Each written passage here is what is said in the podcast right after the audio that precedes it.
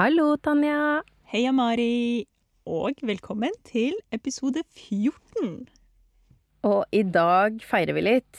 Det er eh, ikke bare Valentine's Day, nå er ikke det veldig typisk også å feire det, men det er også dag to av Tanjas liv som Sven-Tanja. Det er helt nydelig. Sven Tanja klinga veldig bra, syns jeg. veldig fornøyd med den. Ja, nå endelig er lærlinglivet over. Ja, og nå snakker vi altså Vi sitter med solskinn inn av vinduet. Vi kan begynne å ha podkastinnspillinger på dagtid. Yes, og ikke være sånn halvtrøtt og uggen langt utpå kvelden. Det er deilig. Ja, det er veldig deilig. Jeg har kaffe i koppen. Og vi har sjokolade. Nam, nam, nam, nam, nam. Alt er som det skal. Og vi har jo tenkt at uh, nå i kjølvannet av dette ja, lærlingløpet som er over, så må vi kanskje snakke litt om det. Ja. Vi har jo eh, Dere har mange spørsmål til Tanja. Jeg har noen spørsmål til Tanja. Og det er jo veldig spennende da, for oss som er spesielt interessert i det her, å høre litt sånn eh, Litt snacks fra lærlinglivet og svenneprøven og litt sånn behind the scenes. Mm. Og jeg får jeg, Det er jo veldig mange som skriver til meg, og som har skrevet til meg gjennom hele lærlingløpet, egentlig, og spurt hvordan kan man bli lærling, og liksom, ja, hva går det ut på? Det er mange der ute som har lyst til å drive med søm, faktisk. Da kan det være hyggelig å spre litt info rundt det. Ja. Det er veldig gøy for oss å vite at eh, folk er så interessert. Og så må vi jo si at nå sitter vi jo her, og jeg har vært lærling, og du er jo et lærested. Du har lærlinger, så vi har jo faktisk eh, Ja, vi har eh, erfaring fra begge kanter her som vi kan dele. Det er Ja. bra. Det er gøy. Yes.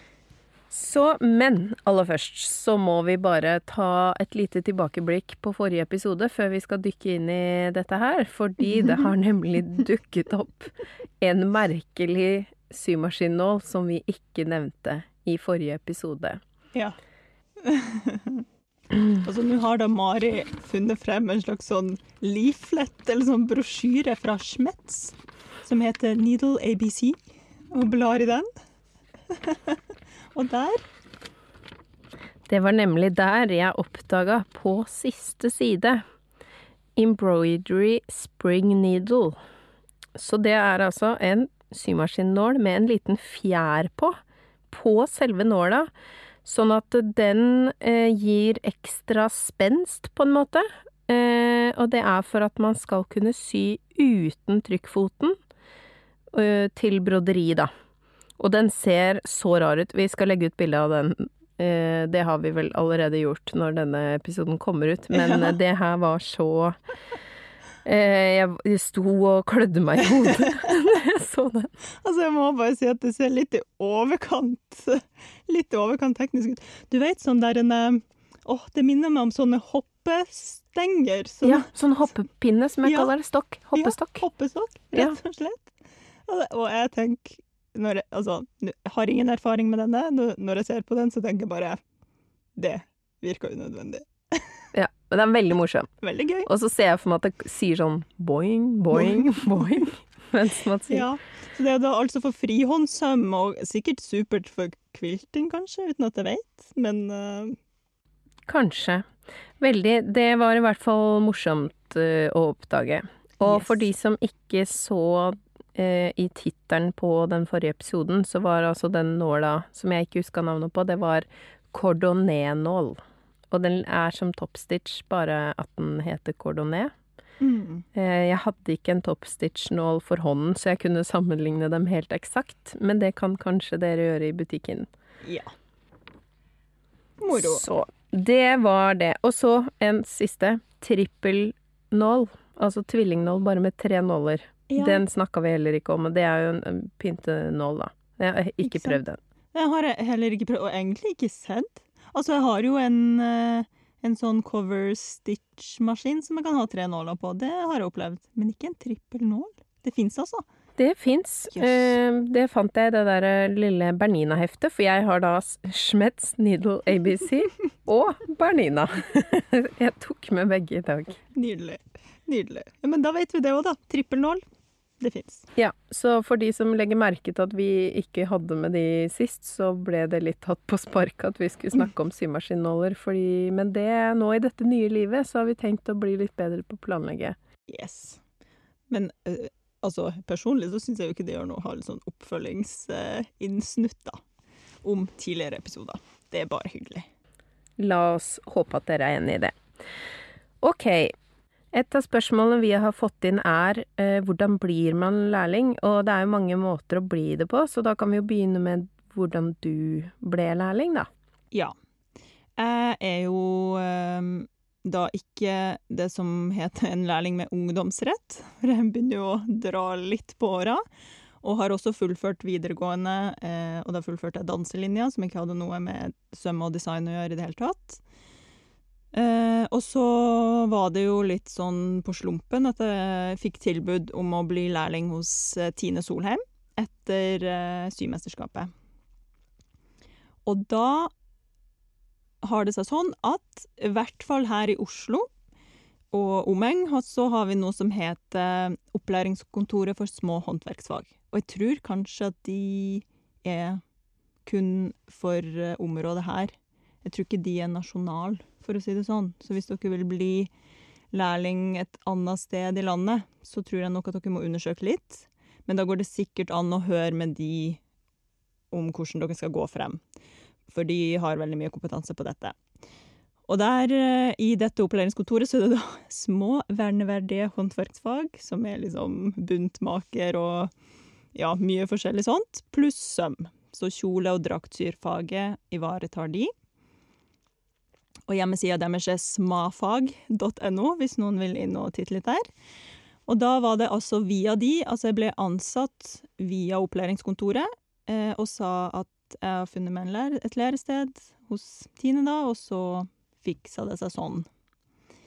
Um, ja. Måtte du ta noen ekstra prøver eller noe sånt på forhånd da?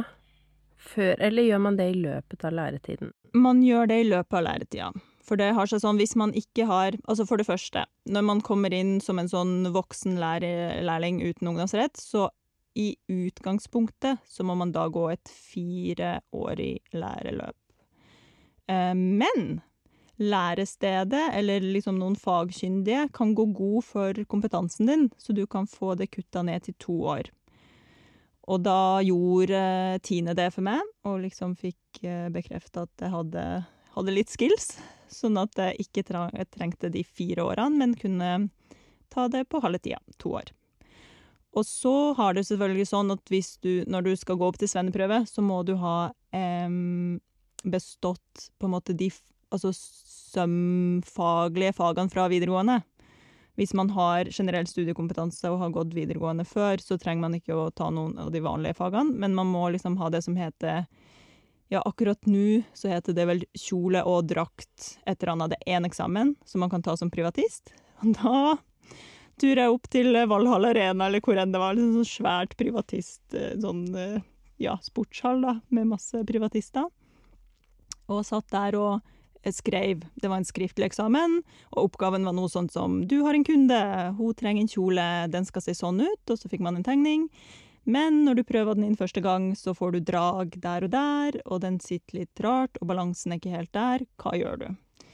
Og så må man da skrive og beskrive og tegne og ja, gjøre den greia der. Så den er egentlig ganske Hvis man har eh, Altså, hvis man kan sy og har en del kunnskap om søm, så klarer man den veldig greit.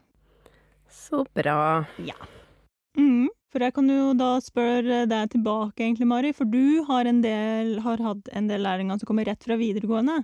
Og da blir jo det en litt sånn anna greie. Ja, altså jeg har hatt litt forskjellig. Eh, jeg har hatt eh, noen fra videregående, og da er det jo veldig varierende hva de kan. Ja. Avhengig av hvilken skole de har gått på. Ja. Eh, for det er dårlig med ressurser der ute. Og så plutselig er det noen med veldig gode ressurser igjen.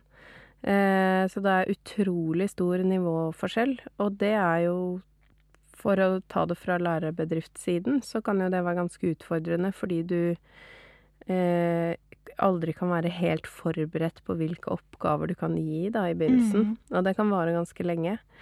Eh, og da er det jo litt sånn at hvis man allerede er en hobbysyr som har sydd en del, så kan man være rimelig trygg på at man er på rett nivå med tanke på det nivået man kommer eh, fra videregående med, fordi eh, de sømfagene de har i uka, det er ikke veldig mange.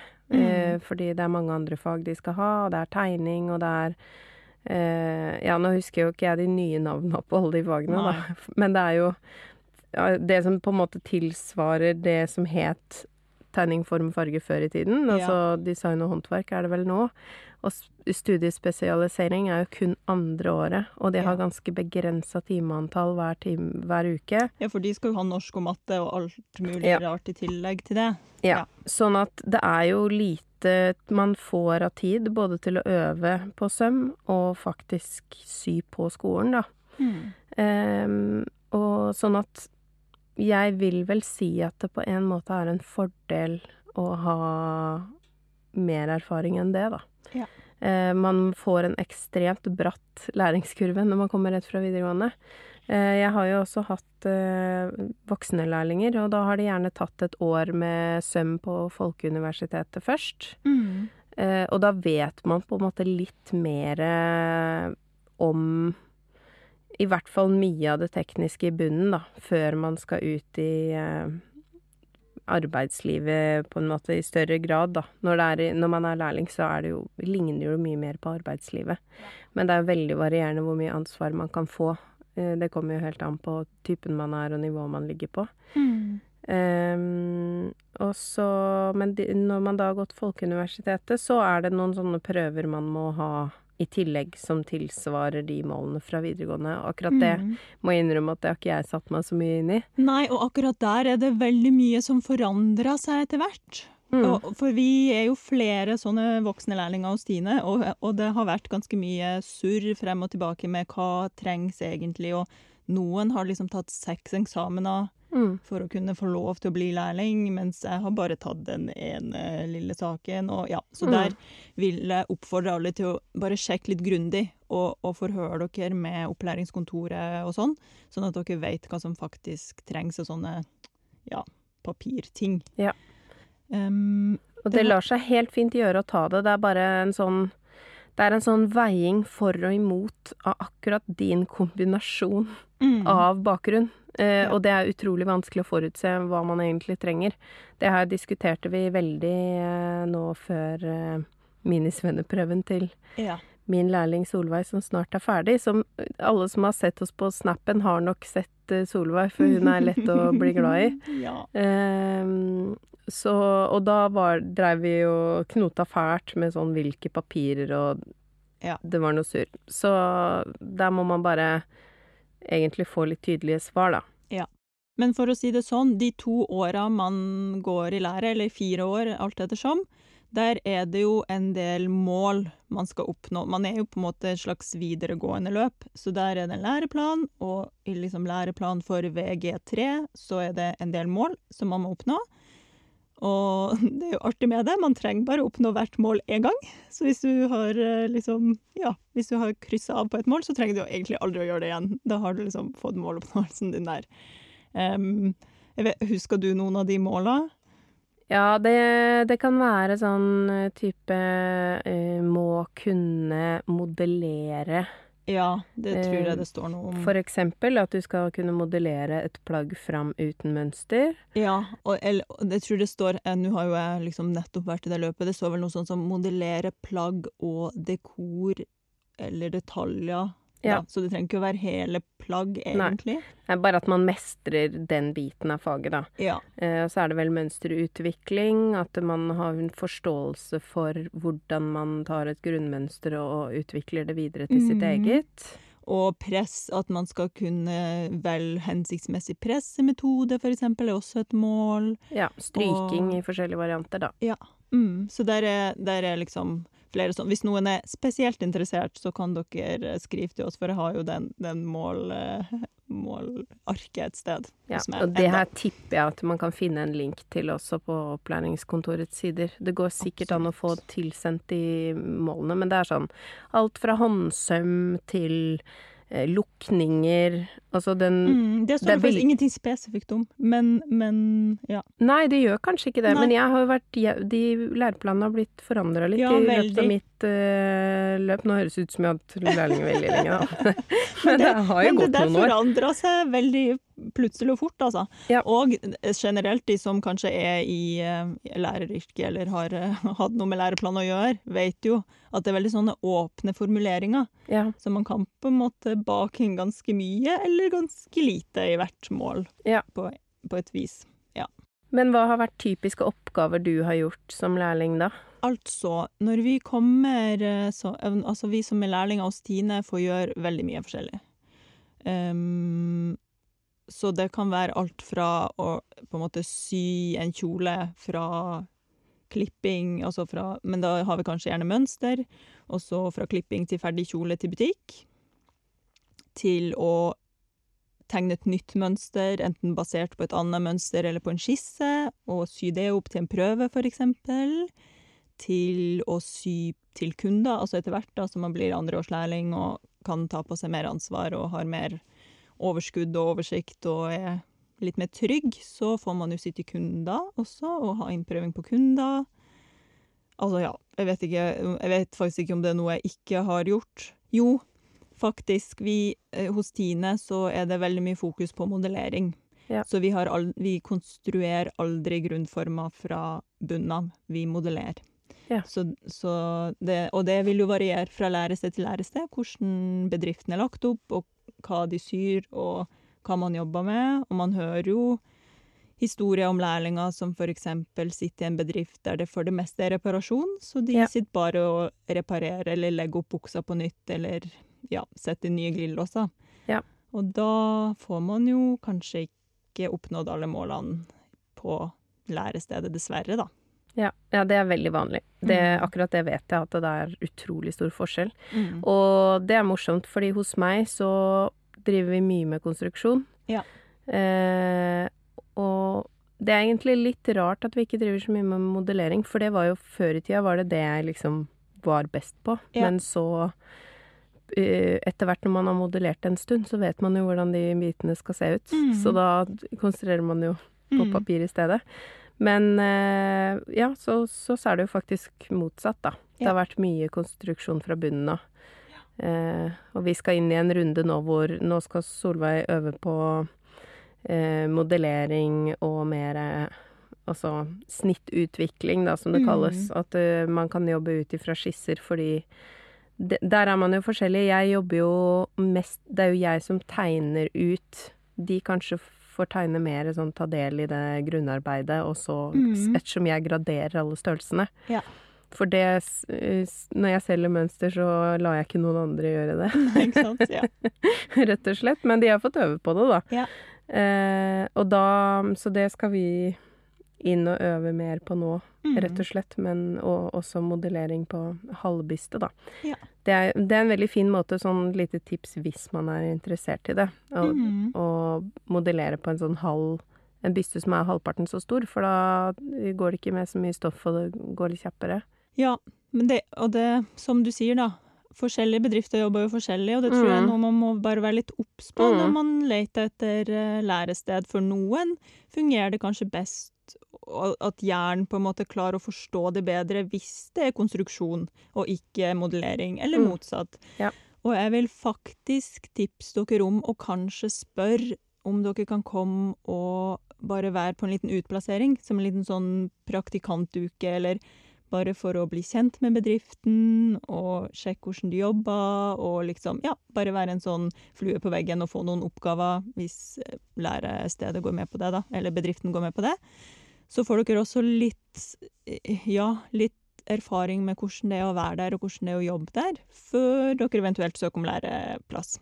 Og jeg tror nok også at man øker sjansene for å få læreplass hvis man har vært utplassert der først, fordi da har man allerede den bekjentskapen, og det er mye tryggere mm. å ansette noen som allerede har vært innom.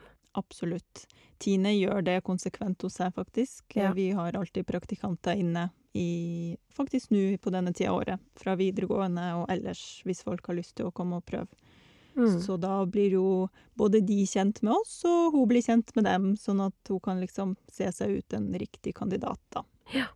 Og så tenkte jeg at eh, Fordi her er det jo et spørsmål om det er vanskelig å få læreplass. eh, Og det er jo faktisk ganske få plasser. Ja. Dessverre. Eh, Og til nå så har jo jeg hatt stort sett to og to lærlinger. Eh, Men nå har jeg bestemt meg for at jeg skal ha en pause fra å ha lærlinger. Eh, Rett og slett fordi jeg skal skrive bok. Så hvis dere sitter og tenker at dere skal søke som lærling, så uh, er det ikke noe vits i å søke hos meg akkurat nå. Maris slus er stengt akkurat nå. Ja. Bare det sånn, Det er er- kanskje teit å si det, men det er bedre bare Bedre ikke bare- bruk tid på å gjøre det hvis du akkurat fikk den ideen nå. Ja. Ja. Ja, det er jo ja, dessverre sånn at det er ikke så mange læreplasser der ute. Eh, og man skal nok ha litt flaks hvis man Ja, det er noen som er litt mer ettertrakta enn andre, og så videre og så videre. Um, og, og da tenker jeg at det kanskje også er verdt å si det at hvis dere har sydd lenge og egentlig har mye kompetanse, så kan man gå opp som privatist. Man Ja. kan bare ta svenneprøven, gå opp til svenneprøven. Og da vil jeg anbefale de som eventuelt har lyst til det, å få den kompetansen på papiret.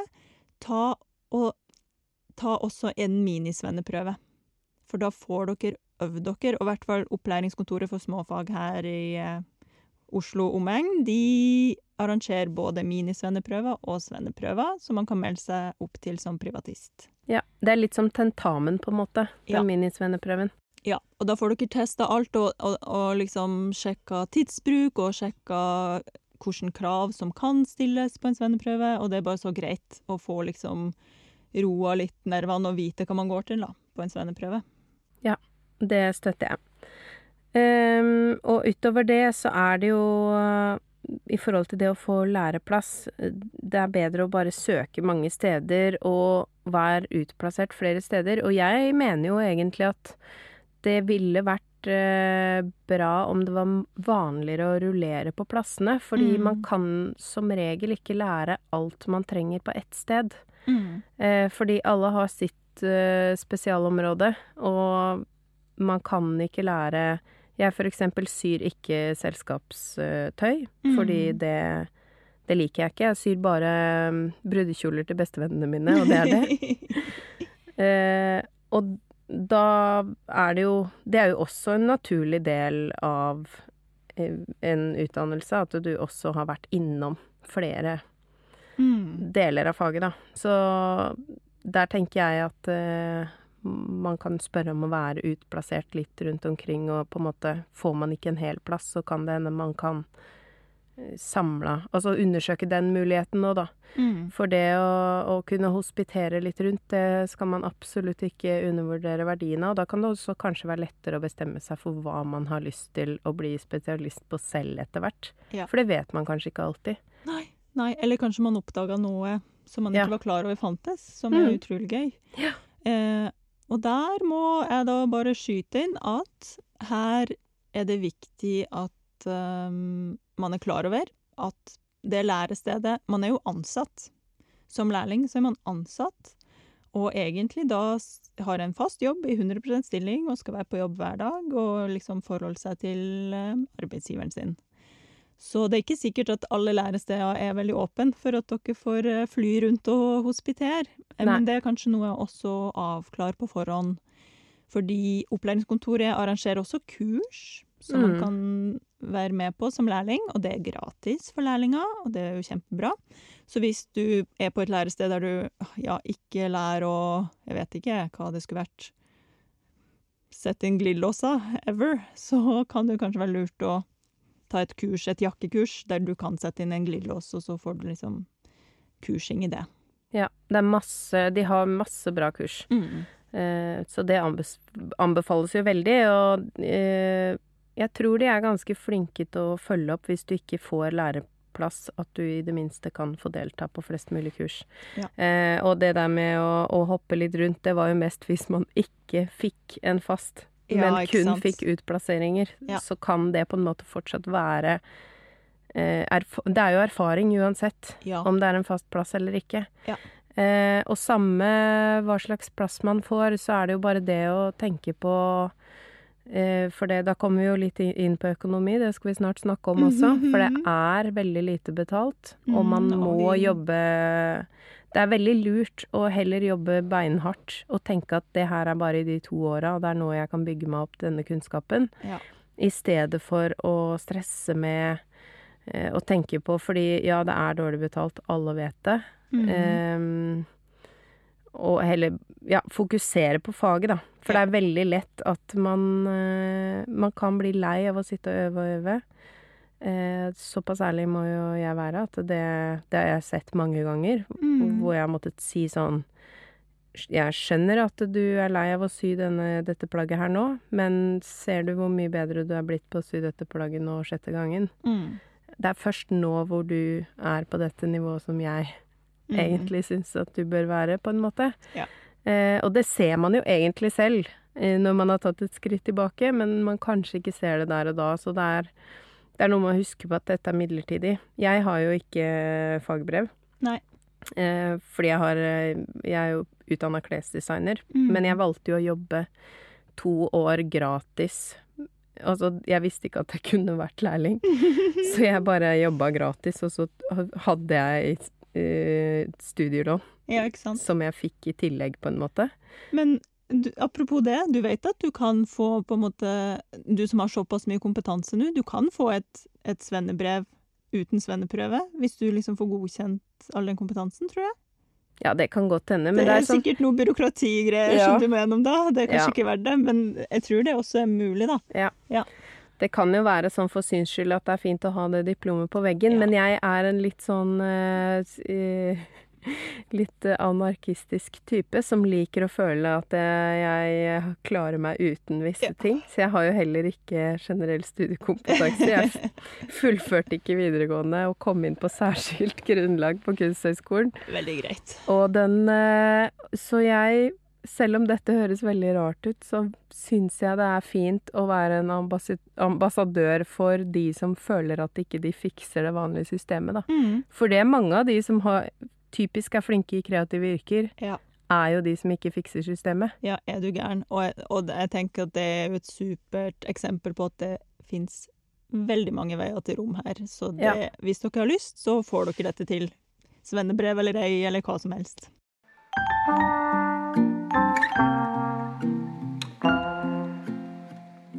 Ok, så vi var jo så vidt inne på det. Eh, Det var et konkret spørsmål fra en lytter om eh, lærlinglønn.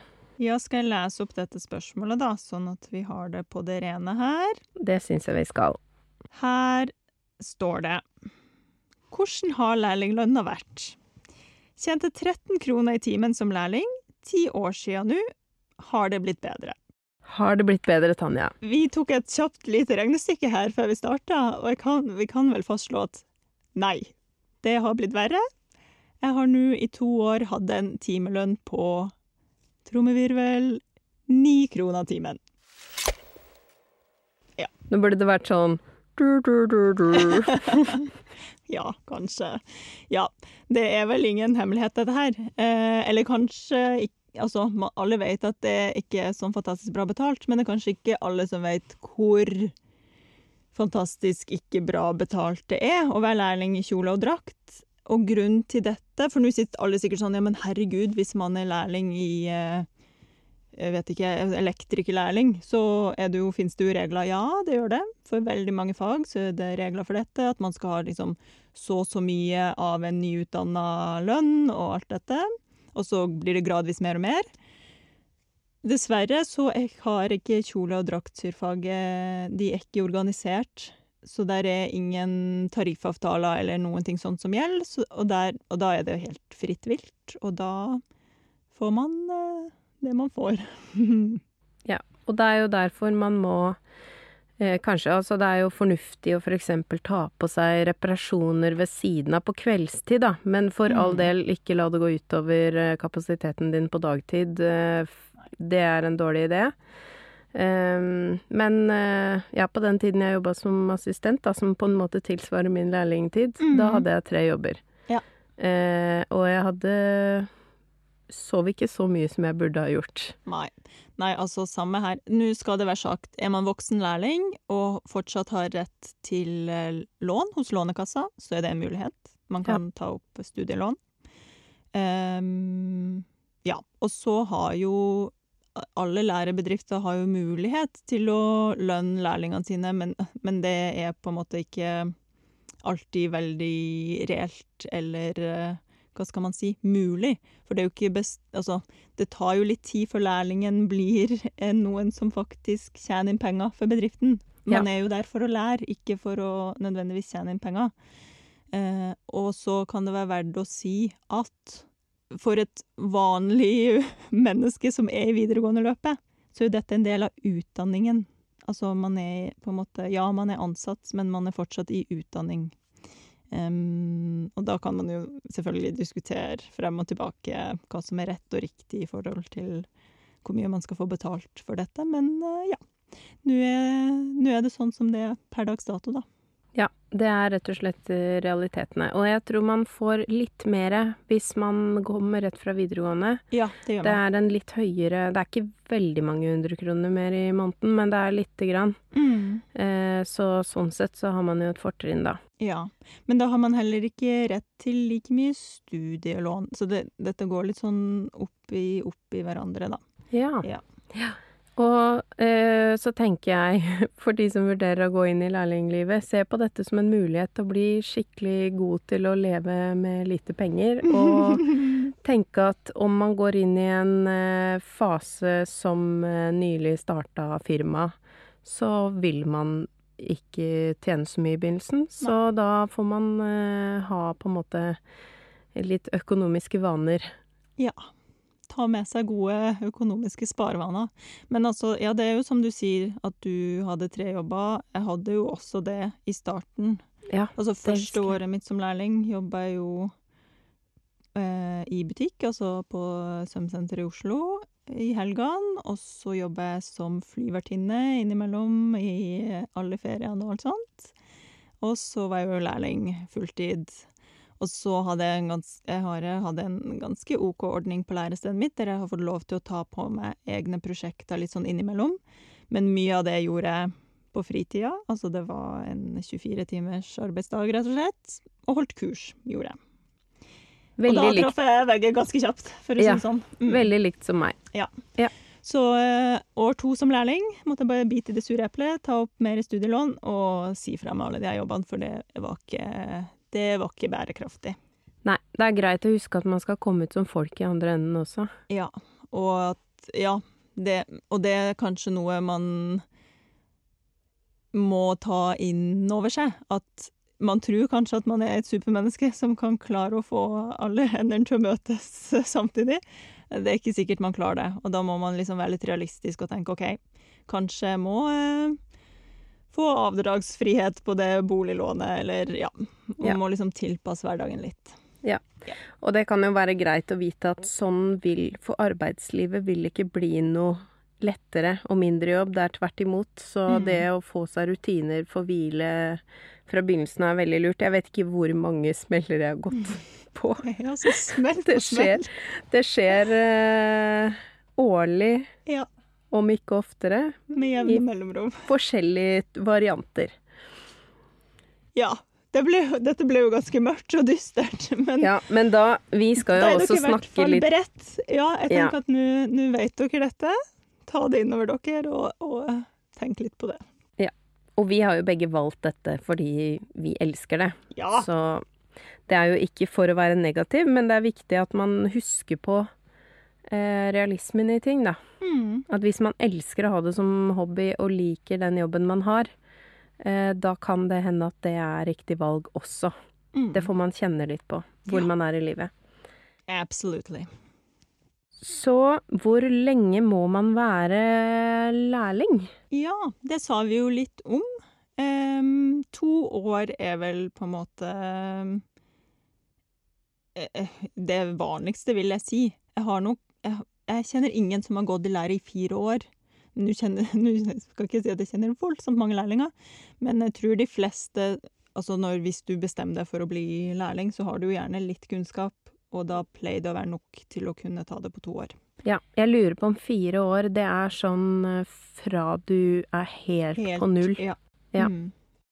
Så det er sånn de regner ut, og der hvor de trekker fra og, og Mm. Så hvor mye kunne du før du begynte, da? Nå er det jo mange som har sett deg på Symesterskapet, og det var jo rett før du begynte som lærling. Ja, jeg var rett før, så jeg kunne jo eh, på en måte det jeg fikk visst på TV der.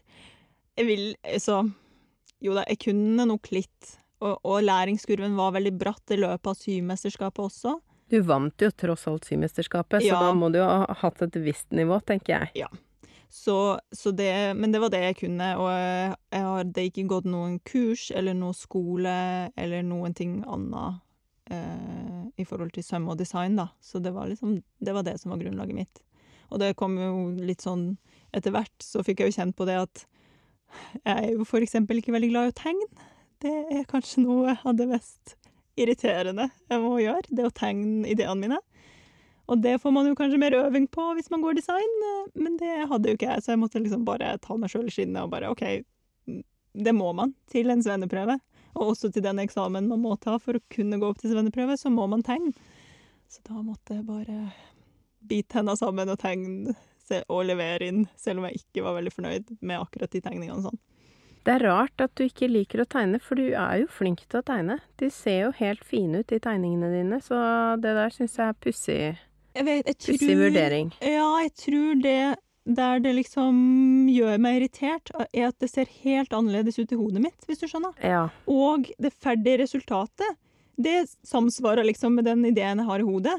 Ja. Men når jeg må ta denne der mellomstasjonen med Mm. å få det ned på papiret, så blir jeg bare sur. For det er akkurat som at jeg gjør narr av mine egne ideer før de kommer på en kropp og ser flott ut, ikke sant? ja. Fordi jeg syns ikke det Altså, jeg syns ikke at jeg har skills nok til å få det ned sånn som jeg ser det for meg i hodet, rett og slett. Ja, så du kommuniserer bedre via stoffet Ja. Og selve plagget, men da har du kanskje ikke funnet din skisseteknikk ennå. Dette er sånt man lærer når man Ja. tar klesdesign. Ikke sant? For La det- oss snakke mer om det en annen gang, for det er en helt Ja, egen det- greie. Ja, ja. Vet du hva, jeg hadde en medlærling som bare 'Å, ja, men har du funnet streken din?' Jeg bare 'Om jeg har funnet streken min, gi meg en strek, så er jeg fornøyd', liksom. Nei, jeg har, har ikke leita etter min strek. Jeg bare prøver å bli ferdig. Ja. Ja. Det er vel kanskje en av de få tingene hvor vi er totalt forskjellige. Herregud, Mari, du har funnet noe av det vi er Ja, forskjellige. morsomt. Ja. Det var jo Jeg tegna jo nesten fotografisk før i tiden, Ja, men eh, det så Nei. det, Jeg har mange streker du kunne veldig gjerne fått. Men veldig utrent nå, da. Ja, ok. Ja. Nei, men det, det er jo artig med det, for det er jo en øvesak. Mm. Det er jo ikke sånn at jeg aldri Sikkert kan jeg jobbe meg opp til å kunne tegne sånn som jeg vil, men eh, det er jo ikke der interessen min ligger. Den ligger jo i sømmen, på en måte. Kanskje vi må ta en sånn liten tegnedag en gang. Sip, sip and paint, er det ikke det som heter det? Det kan vi gjøre. Sip and paint. Og de har jo um, Apropos kursene til opplæringskontoret. Ja. Da var jeg med på illustrasjonskurs, og det var så gøy. ja. Det var som å være på skolen igjen. Åh. Og jeg kosa meg jo. Det var jo Jeg kunne jo allerede, da, så det var så hyggelig for meg å få litt ros. Du bare satt og briljerte, liksom. Bare, er dette bra nok? Perfekt skisse. Men jeg var jo der for å lære Illustrator-tegningene, så det var jo bare veldig deilig å mestre litt før man skulle ikke mestre. Ja. Etterpå. Ikke sant? Ja. Ja ja, en liten digresjon der. Yes. Eh, så når man er ferdig med lærlingløpet, så er det jo selveste svenneprøven, da. Ja, den har jeg jo nettopp vært gjennom. Mm. Ikke så mange spørsmål rundt den, men vi kan si litt for det om.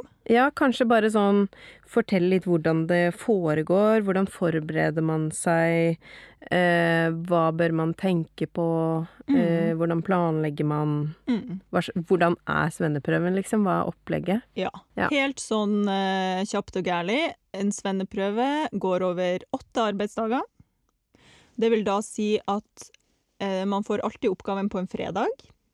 og går da gjennom eh, alle som skal opp til svenneprøven, møtes og får denne, og nemnda som vurderer svenneprøven er til stede og forteller litt om oppgaven, og man kan stille spørsmål og alt sånn. Og den oppgaven er veldig konkret. Der står det sånn Der står det hvor man skal hente inspirasjon, hva temaet er, hvilken kunde Man skal sy til en kunde, så man må ha en kunde eller en modell tilgjengelig som man syr til. Eh, og da står det forklart, for eksempel på svenneprøven min, så hadde jeg en kunde som var arrangør av Fredrikstad vinterjazzfestival. og hun skulle da eh, være ansiktsutad for denne festivalen, og eh, være den som ønska velkommen på åpningsarrangementet. Ønska seg et antrekk til det, og var veldig glad i det som heter The New Bourgeois, som er en stilretning da fra slutten av 70-tallet. Og da har man liksom premissene der, så må man jo, hvis man ikke har peiling på hva The New Bourgeois er, så må man jo begynne å google og finne ut og lage seg moodboard og sånn. Og det står også helt sånn klart og tydelig i oppgaven. Du skal ha med skisser, du skal ha med motetegning, du skal ha med et moodboard, du skal fortelle om hvorfor du har valgt de og de plaggene i forhold til tema og kunde og stoff og altså alt mulig, da. Så alt er egentlig veldig konkret i en sånn oppgave og man har åtte arbeidsdager på å gjennomføre og få lov til å prøve inn på kunden to ganger. Disse innprøvingene blir observert av nemnda. Eh, og så må man levere et ferdig produkt. Det er gjerne to plagg man må levere. For det meste så får man en jakke, for man skal liksom prøves i det, da.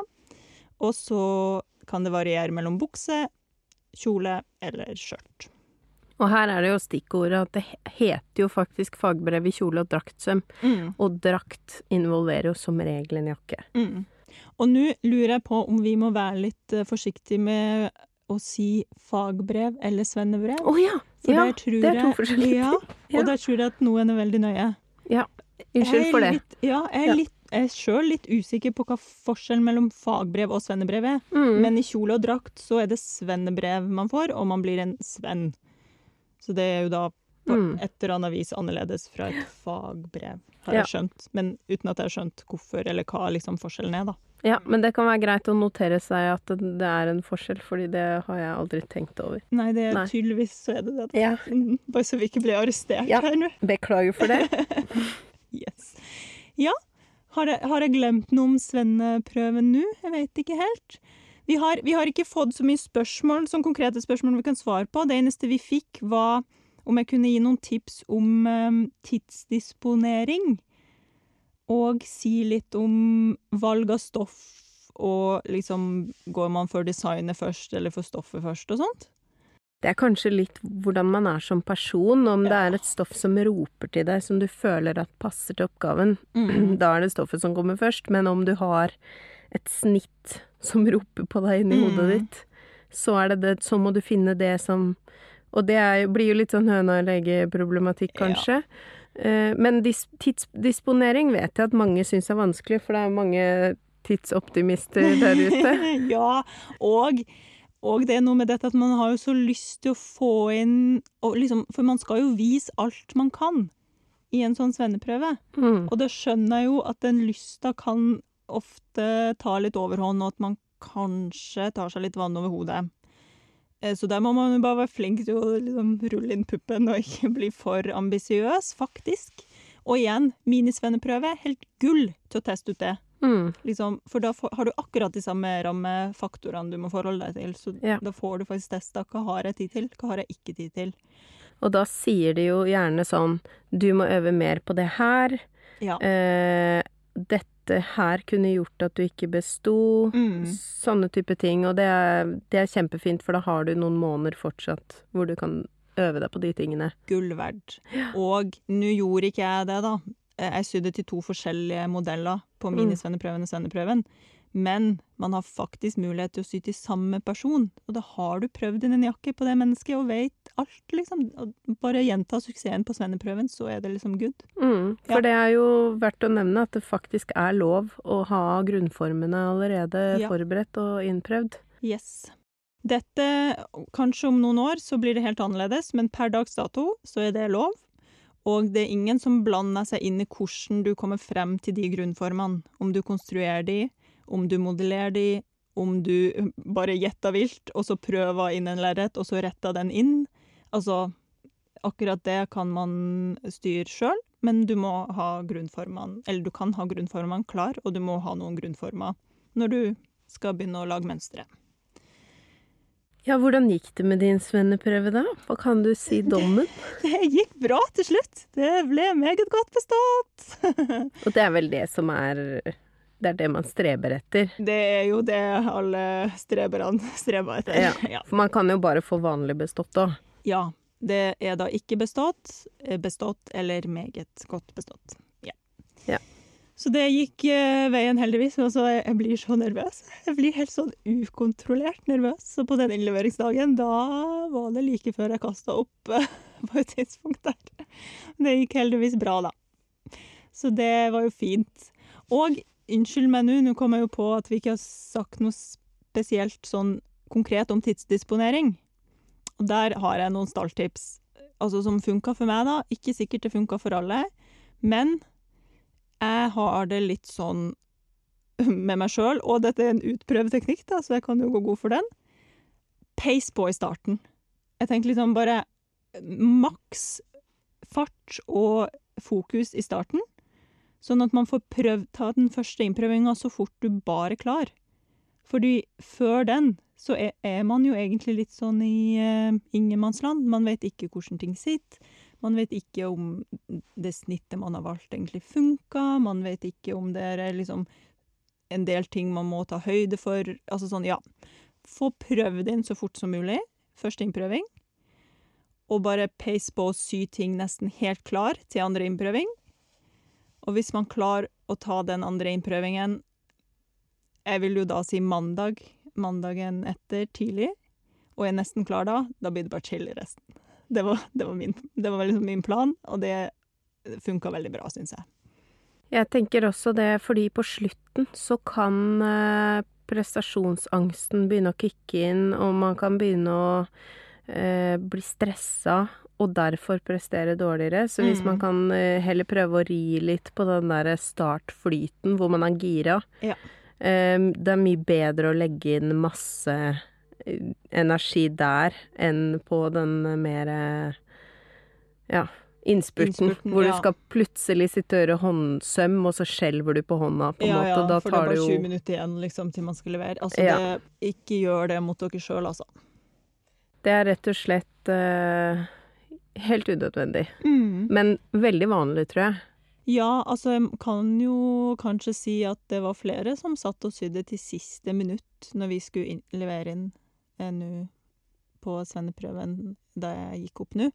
Um, jeg var ferdig dagen før, og det var jeg så glad for, fordi da har du tid til å puste ut og liksom reflektere over det du har gjort.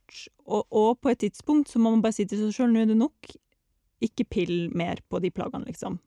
Fordi det er klart, ingen er jo perfekt. Uansett så er det noe man kanskje hadde gjort bedre. Og så lenge man klarer å være reflektert rundt dette og skrive det i dokumentasjonen sin og si 'jeg vet at dette ble sånn og sånn'. Eh, hadde jeg gjort det på nytt, hadde jeg gjort det annerledes. Jeg er klar over dette her. Så, så scorer man høyt, fordi da har man jo en refleksjon rundt faget og et liksom, håndverksmessig øye da, som ser de detaljene som kanskje ikke ble helt sånn som man skulle ønske. Ja. Så å, ha tida til den biten der, gull verdt. Gode tips. Så er det jo mange som lurer på hva planene dine fremover er, da. Ja! Nå som du er ferdig. Jeg har jo store planer, og vi har jo prata litt om det før. Dette med liksom sømrom, og at det må få lov til å bli et fysisk rom.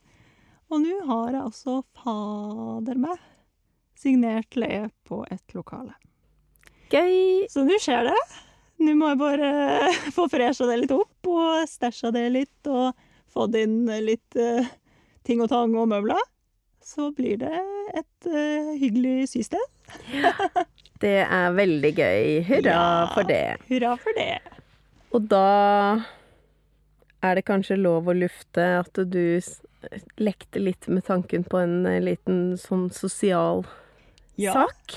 absolutt. Jeg har litt lyst til at det skal bli et eh, sånn åpent eh, systed, rett og slett. Ja. At det kan være et sted for veldig mange, og alle som har lyst til å sy og samles og jobbe og ha tilgang på maskiner og ha ja, tilgang på eh, skravlebøtta her og litt sånn, da. Ja. At det kan være et hyggelig sted for flere. Og selvfølgelig skal jeg ha kurs, og så selvfølgelig må vi jo ha sånne frocktails og livepods og alt mulig rart. Ja! Det håper vi at dere vil være med på. Ja! Nå ja, skal jeg bare stå litt på og få dette opp og gå, og så eh, blir det mye moro som skal skje der. Det blir gøy. Mhm. Da heier vi på Sven Tanja sitt Yes. nye liv. Tusen takk. Jeg tar imot alle heiarop og gode vibber, altså. Ja. Så bra. Skal vi avslutte her? Har vi fått med Vi har i hvert fall svart på alt dere har lurt på, tror jeg. Og hvis det er noen spørsmål som dere ikke fikk svar på, så kan dere jo sende det til oss, og så kan vi jo komme tilbake til det ved en senere anledning. Absolutt. Vi er jo her, vi. Vi er her. Takk for i dag. Takk for i dag. Tusen takk for at du hørte på Sømmelig podkast. Du finner oss på Instagram. Der heter vi sommelig understrek podkast med k. Og ellers kan du kontakte oss på e-post, og da sender du den til sommelig punktum podkast med k at gmail.com. Tusen takk til Andreas Prestmo i Wildtagen Studios, som klipper og limer og sørger for at vi har god lyd. Og tusen takk til Synnøve Ovrid, som lager den fine musikken vi hører.